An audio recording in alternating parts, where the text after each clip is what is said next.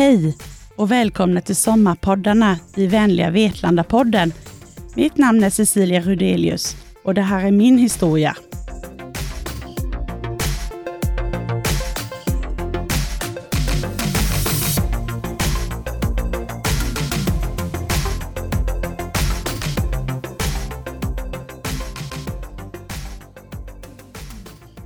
Säg att du vaknar upp imorgon och inte längre har känsel i dina ben eller kraften att lyfta dem.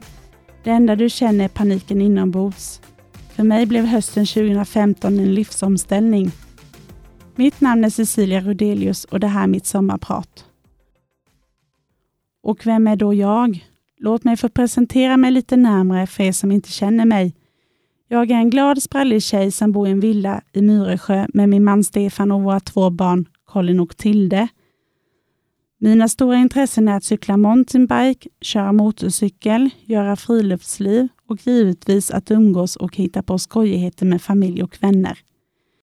Men vi backar bandet till min uppväxt. Jag är född 3 april 1983 på Eksjö BB och uppvuxen i den vackra lilla byn Farstorp som ligger cirka två mil ifrån Vetlanda.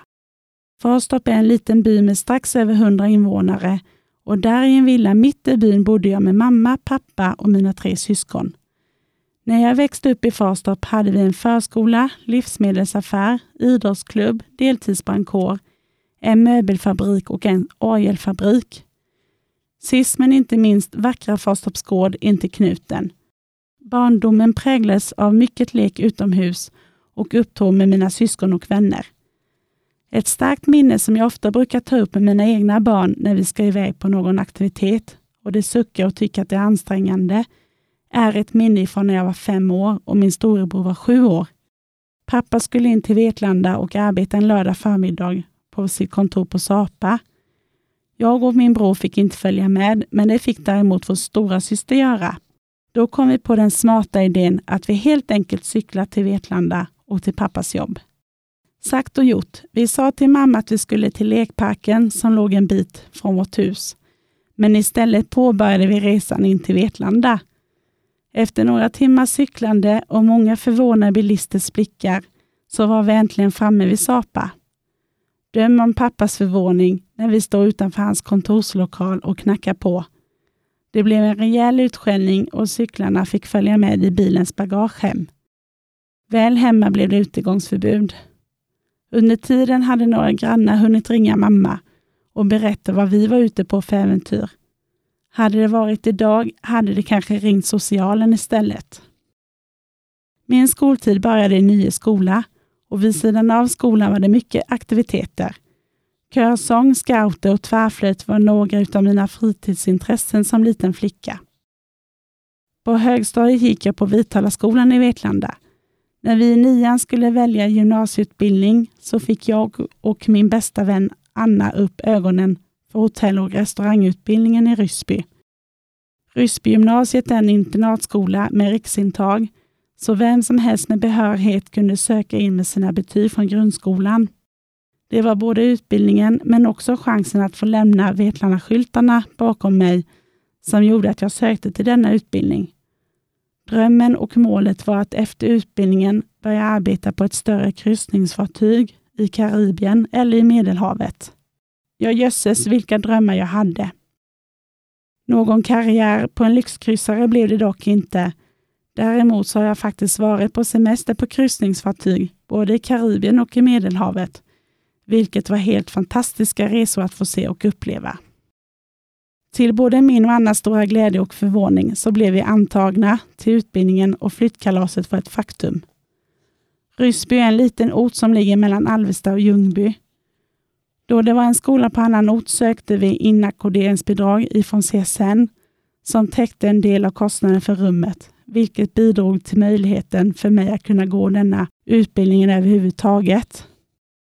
Ryssbygymnasiet var då en skola med cirka 300 elever och skolan hade ett flertal utbildningar såsom turism, hotell och restaurang, skogsbruk och jakt och viltvård. Att som 16-åring flytta hemifrån var ett äventyr i sig. Tack och lov så hade jag min vän Anna vid min sida och första året så var vi även rumskamrater. Att både bo och plugga ihop var en prövning för vänskapen och det var inte alltid som vi drog jämnt under denna tiden. Men den starka vänskapen övervann allt och Anna blev dessutom några år senare tärna på mitt bröllop. Och vi bor numera båda två i samma samhälle, bara ett stenkast ifrån varandra. Vem kunde ana det vid den tiden? Att gå från att bo hemma med tre syskon, markservice av föräldrarna och tryggheten i barndomshemmet till att behöva ta mer ansvar själv och bo på ny ort, nya rutiner och på många sätt ett nytt liv var både spännande och skrämmande. Men detta gjorde att jag fick ta ett kliv in i vuxenvärlden, kanske snabbare än många andra jämnåriga kompisar och med det växte jag nog även lite som person. Ryssbytiden var med facit på hand tre riktigt skojiga och lärorika år med mycket galna upptåg och skratt, men även också mycket allvar och man kan nog säga att vi som gick på skolan blev som en enda stor familj. Några som gick i min klass har jag fortfarande kontakt med 20 år senare och dessutom anordnar skolan en elevförbundsträff var femte år efter studenten, vilket är riktigt roligt för oss gamla elever att få komma tillbaka och besöka skolan, träffa gamla lärare och skolkamrater och se hur skolan har utvecklats.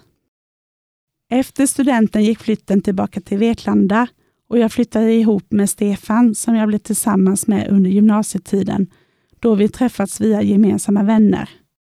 Vi flyttade in i en trea och jag började vikariera som kock inom måltidsservice på Vetlanda kommun. Hösten 2002 blev jag erbjuden en fast kocktjänst på ett av kommunens större tillagningskök. Och där var jag en tid. Men eftersom jag gillar att testa på nya ställen så hann det bli en rad olika kök i kommunen och till slut hamnade jag 2013 som kökssamordnare på Österliden i Holsbybrunn. Vi var ett sammansvetsat gäng och allt rullade på fint och jag trivdes riktigt bra på min arbetsplats med mina kollegor och ständiga utmaningar. Jag var äntligen där jag ville i livet och var nöjd med tillvaron och familjelivet hemma i vår lilla villa i Myresjö som jag och min man flyttade till 2005.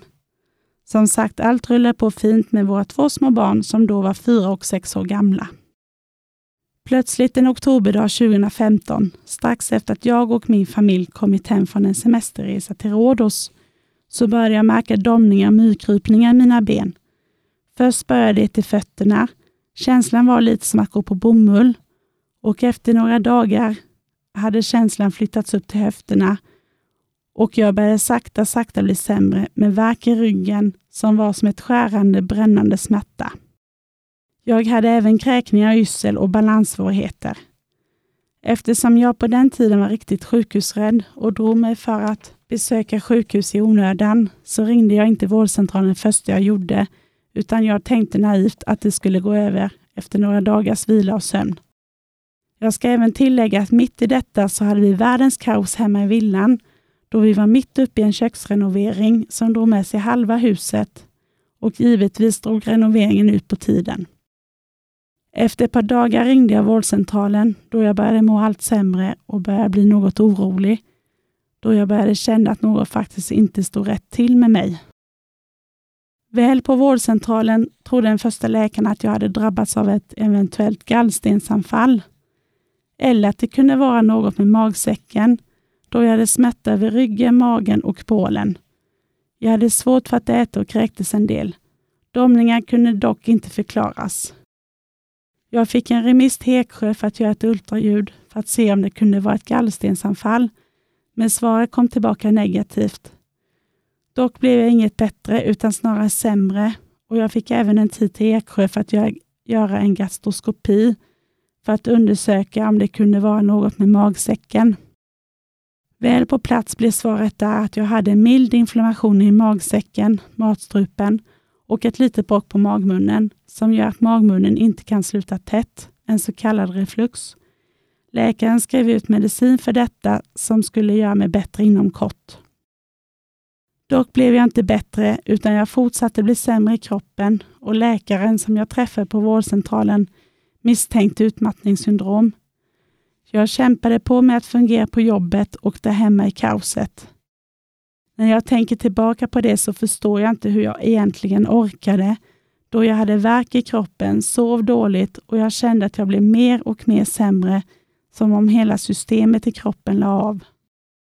Balansen blev snabbt sämre och jag minns att jag hade svårt att gå längre promenader, svårt att gå i trappor och jag fick ta stöd och hjälp av rullvagnar och väggar på jobbet. Likaså hemma.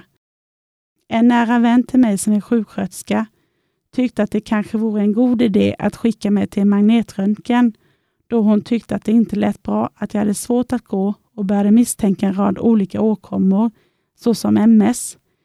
Jag nämnde detta sedan för läkaren på vårdcentralen men som genast avfärdade den idén. Han såg inte att detta skulle vara nödvändigt. Fredagen den 17 december när jag vaknade på morgonen var känslan i mitt högra ben helt borta och jag kunde inte lyfta benet. Jag fick panik och försökte ta mig upp ur sängen men föll ihop och fick ta hjälp av ett dörrhandtag för att dra mig upp. Nu i efterhand kan jag inte förstå varför jag inte ringde ambulansen direkt. Det var nog känslan av att sjukvården inte tog mig på allvar som gjorde att jag valde att vänta tills min man kom hem ifrån jobbet innan vi åkte till akuten. Väl där hade vi äntligen turen att träffa en läkare som kände igen de neurologiska symptomen och jag blev omedelbart inskriven på akuten och sedan medicinavdelningen. Han sa att han hade läst min journal och han skakade på huvudet och frågade om jag hade gått så här i två och en halv månad med domningar, balanssvårigheter och yssel. Med tårar i ögonen så nickade jag mot läkaren. Det började ta en massa olika blodprover och jag fick göra en akut magnetröntgen. Det kändes skönt att äntligen få hjälp och bli sedd. Men samtidigt växte oron sig bara starkare. Vad var det här? Kommer det bli bra? Och när? Kommer jag kunna gå igen? Och kommer smärtorna i kroppen att avta? Dagen efter jag gjorde magnetröntgen kommer neurologläkaren in till mig och säger att jag har en långsträckt inflammation i ryggmärgen, myelit, och detta orsakat mitt förlamningstillstånd han sa att har man drabbats av myelit finns det oftast en kronisk bakomliggande sjukdom till det. Alltså ville han ta vidare prover och göra ett ryggmärgsvätskeprov för att ta reda på eller utesluta vad jag hade drabbats av för att sedan kunna sätta in rätt åtgärder.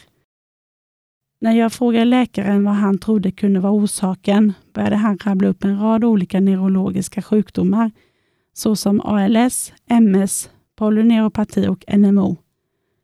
Hade jag tur som han sa så är det bara en akut transversell myelit som oftast är övergående och inte kronisk.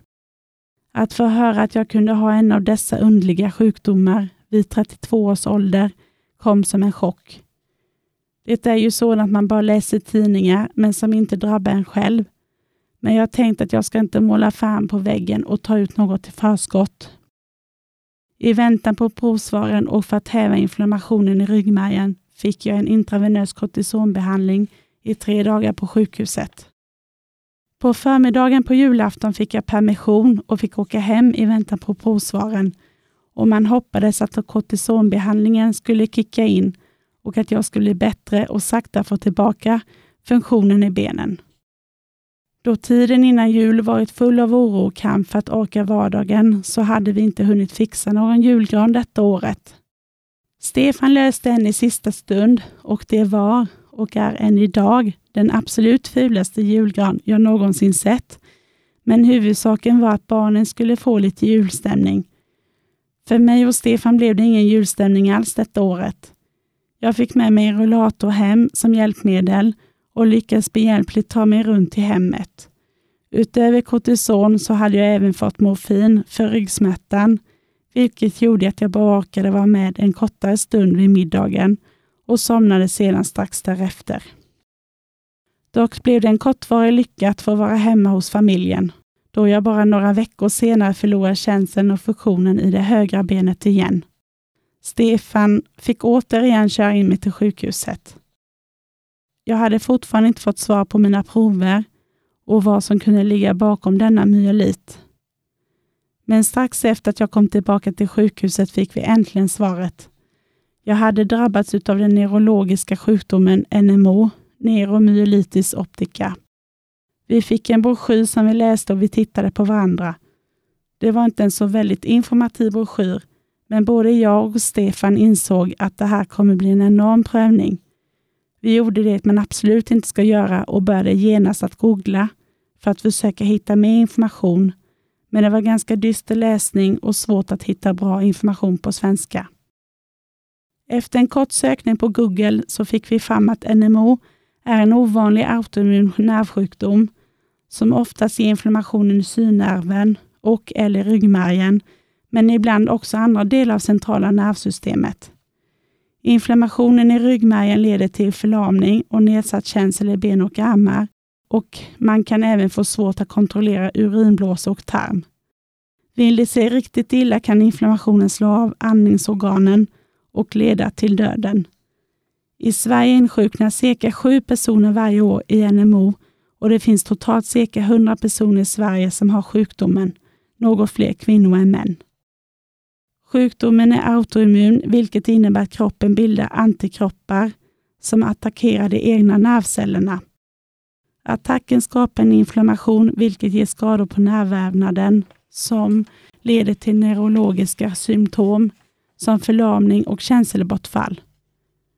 NMO finns i olika former, antingen polyfasisk, skovis återkommande form eller monofasisk, övergående form.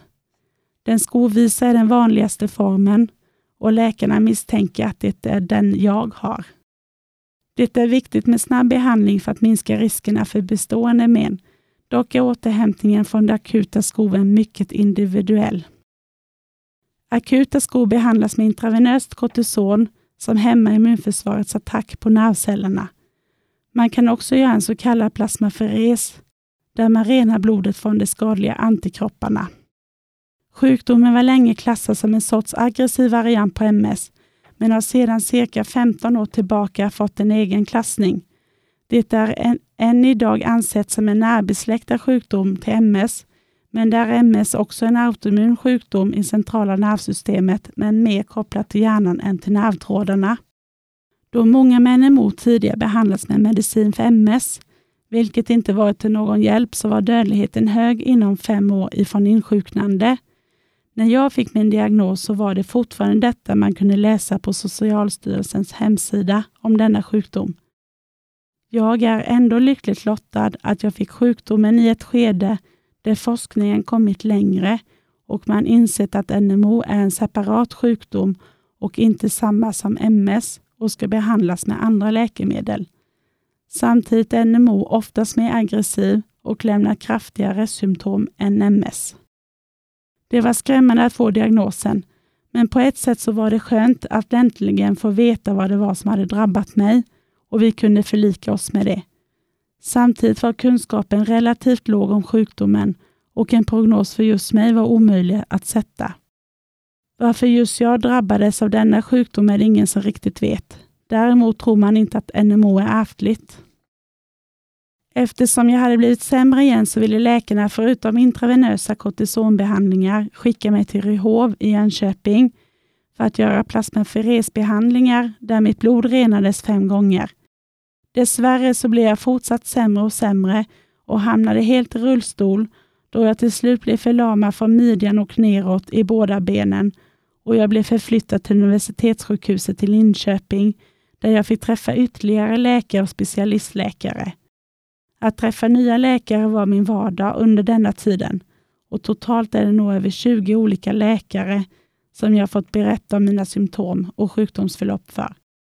I Linköping fortsatte det med ytterligare fem plasmafresbehandlingar, kortisonbehandlingar, magnetröntgen och här började vi också testa bromsmediciner. Det var även i Linköping jag träffade överläkare Lotta som är specialist inom neurologiska sjukdomar och även forskare och föreläsare inom området. Hon har verkligen varit ett stort stöd för mig och gav mig gnutta hopp när jag mådde som sämst. När det var som värst under min tid i Linköping så kunde jag inte röra mina ben alls. Hade heller ingen känsel ifrån magen och ner. Att som vuxen, mamma och tidigare pigg och glad tjej som tränat mycket och varit aktiv till att bara på några månader vara så sjuk att jag inte ens kunde gå eller känna av när jag behövde gå på toaletten var hemskt. Att bli beroende av andra som 32-åring var riktigt jobbigt och jag hade svårt att finna mig i det. Det var inte bara förlamningar jag fick kämpa med. Jag hade även väldigt starka nervsmärtor i främst ryggen som jag vid den tidpunkten hade svårt att hantera och som inga läkemedel kunde lindra.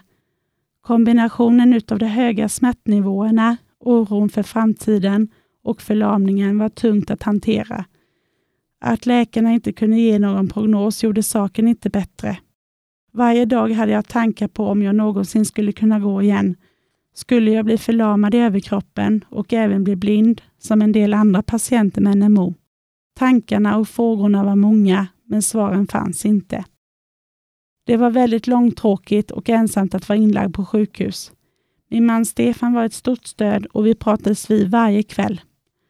Stefan besökte mig så ofta han kunde och vi hade hjälp av våra vänner som gärna ställde upp och passade barnen de tillfällen som de inte kunde hälsa på. Jag hade även besök på sjukhuset av syskon, föräldrar och mina fina vänner och för det är jag evigt tacksam. Under våren minns jag att det gick över en månad utan att jag fick träffa barnen. Först fick Colin vattkoppor och därefter Tilde. Barnen var också väldigt oroliga och frågade ofta Stefan om när mamma skulle komma hem och när mamma skulle bli frisk igen. Vi valde att vara ärliga mot barnen och säga att vi inte visste, men att vi kämpade på och hoppades att allt skulle bli som förr. Det var underbart att få träffa barnen igen när de var friska och kunde besöka mig. Men jag såg också att barnen såg rädda och oroliga ut. De tyckte att det var svårt att se mig så sjuk, sittandes i rullstol och med en venport kopplad i halsen. Tack vare behandlingarna, all kortison och de olika bromsmedicinerna vi hade börjat testa så började jag sakta må lite bättre. Inflammationen i ryggmärgen började lugna sig och jag kunde påbörja rehabträning. I april månad blev jag förflyttad till rehabmedicin i Jönköping där jag fick bo i veckorna och sen komma hem över helgerna. På rehab var det mycket fokus på styrketräning och balansträning samt att successivt börja försöka röra på benen igen som jag sakta hade fått tillbaka lite känsel i och jag kunde äntligen vicka på stortårna igen. Här fick jag även träna på rullstolsteknik och jag blev faktiskt proffsig på att navigera runt i kulvetterna under sjukhuset. Det var väldigt tufft både fysiskt och mentalt. Fortfarande så kunde ingen sätta en prognos och ovissheten kring framtiden var stor.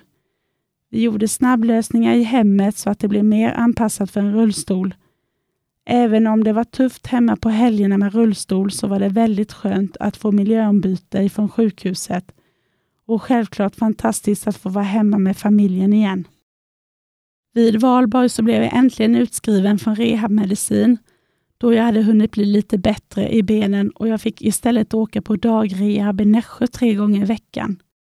I Nässjö blev det fortsatt full fokus på träning i alla dess former och här började vi fokusera mycket på gångträning och att lära mig gå igen. Tiden gick väldigt långsamt och det kändes inte som att framstegen gick särskilt snabbt. Men med tiden så blev det bättre och bättre.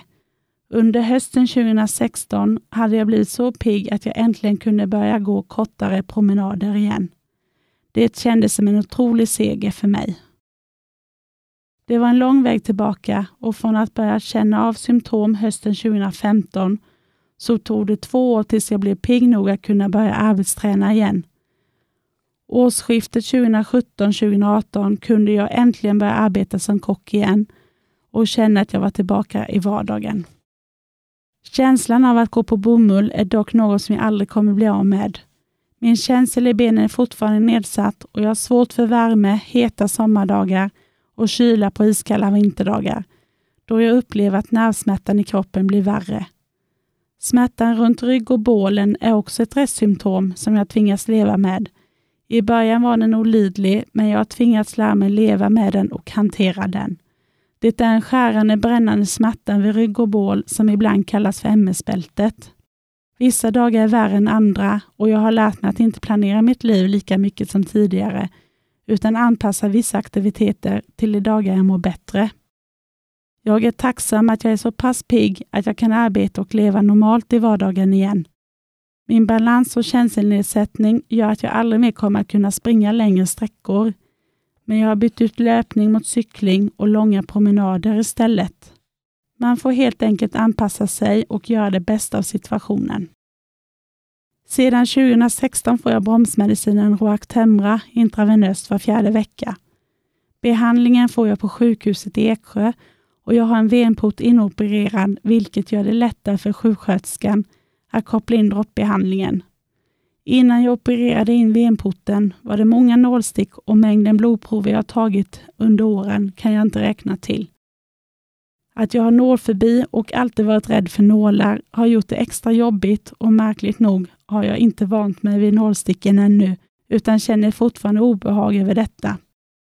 Just medicinen Roactemra har på senare tid blivit välkänt då det används för att behandla svårt sjuka patienter med covid-19 på IVA-avdelningar. Något jag fått erfara då jag nästan blev utan medicin vid ett tillfälle i vintras på grund av medicinbrist. Att komma tillbaka till mitt jobb som kock var väldigt kul, men under sjukdomstiden hade tankar kommit kring att börja plugga igen. Dels för att min kropp ska hålla i många år till, då yrket som kock är ganska så tungt och stressigt, och dels för att jag inte fick den stöttning som jag behövde från min arbetsgivare. Samtidigt hade sjukdomen lärt mig att livet är för kort för att inte våga fullfölja sina drömmar. Sagt och gjort, efter att ha kommit tillbaka och jobbat i nästan ett och ett halvt år så började jag hösten 2019 att studera till vårdadministratör på Högskolan i Jönköping. Det var cirka 250 sökande till utbildningen och bara 32 platser, så det känns ärofyllt att jag lyckades så bra på antagningstesterna att jag kom in på utbildningen. Utbildningen var på två år och att som 36-åring med hus, man och två barn hemma åter sätta sig i skolbänken var inte bara skoj, utan även en utmaning. Varför jag sökte till just vårdadministratörsutbildningen var för att jag hade hört att utbildningen var bred och kunde vara en inkörsport till administrativa yrken. Dessutom är yrket som vårdadministratör ett bristyrke, så jobb fanns att välja bland om man ville fortsätta inom vården. Mina fria helger med familjen ersattes till intensiva studier och plugg framför datorn. Första året var det pendling till Jönköping som gällde, men andra året blev det till stor del studier via Zoom, då pandemin hade blossat ut för fullt. För mig som aldrig hade arbetat inom vården tidigare blev det en riktig utmaning med kurserna inom anatomi och sjukdomslära och medicinsk terminologi. Vi skulle lära oss allt om kroppen och kunna flera tusen latinska medicinska ord. Trots att dessa kurser var det svåraste var det ändå det roligaste i mitt tycke. Utbildningen hade även en del praktik, där jag bland annat gjorde praktik inom psykiatrin och jag tyckte att det var spännande och intressant. Så när det på vårkanten sista terminen blev ett ledigt jobb på barn och ungdomspsykiatriska mottagningen i Nässjö så sökte jag jobbet. Jag fick jobbet som vårdadministratör och började i juni 2021 direkt efter min examen. Efter alla mina år inom måltidsservice så kunde jag det jobbet på mina fem fingrar nu var jag den nya på jobbet, fullt med frågor och nya arbetsmoment, fast väldigt kul och givande. Jag ångrar inte en sekund att jag skolade om mig och sökte detta jobb, då jag trivs som fisken i vattnet. Härliga kollegor och ett spännande omväxlande yrke. Varje dag på jobbet lär jag mig något nytt och jag tycker att jag växt som person av mina studier och mitt karriärsbyte. Att våga och lyckas är en härlig känsla. Trots mina restsymptom så mår jag idag väldigt bra. Jag trivs med mitt jobb, Njut av att umgås med min härliga familj och våra fina vänner och jag känner att inget är omöjligt. Jag mår bra av att vara Silla igen, en glad social sprallig tjej som älskar livet och inte bara hon den där tjejen med den hemska ovanliga sjukdomen. Sjukdomen kommer dessvärre alltid vara en del av mitt liv, men den kommer aldrig att få ta överhand eller bli synonym med vem jag är. Jag är så mycket mer än den. Det var flera gånger under våren 2016 som hoppet var på väg att överge mig. Men samtidigt så har jag alltid varit enormt envis, målmedveten och aldrig velat ge upp. Och detta har nog varit min inre styrka för att orka kämpa vidare. Först när jag fick förfrågan om att vara sommarpratare i vänliga Vetlanda tänkte jag, skulle inte tro det, absolut inte.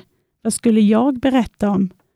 Men sen efter ett par dagars fundering tänkte jag att det kanske vore ett perfekt tillfälle att uppmärksamma en ovanlig sjukdom och kanske inspirera någon annan som drabbats av något jobbigt i livet. För livet är ju inte en spikrak väg. Min resa i livet och framförallt under året som jag var som sjukast har verkligen lärt mig att aldrig ta något för givet och att inte planera allt för långt fram i tiden.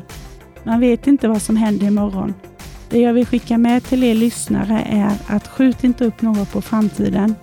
Ta vara på nuet, ta hand om det som står dig nära, våga be om och ta emot hjälp och glöm inte att stanna upp i vardagen och njut. Omge dig med människor som stöttar och ger dig energi, inte med det som tar energi. Den som är frisk har hundra önskningar och drömmar, men den som är sjuk har bara en önskan och det är att bli frisk. Tack för att ni har lyssnat på mitt sommarprat och jag vill önska er en härlig sommar med mycket solbad och härliga grillkvällar. Och sist men inte minst, våga följ dina drömmar.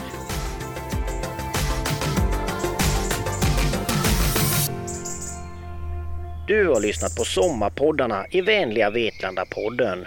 En poddproduktion av Vetlanda kommun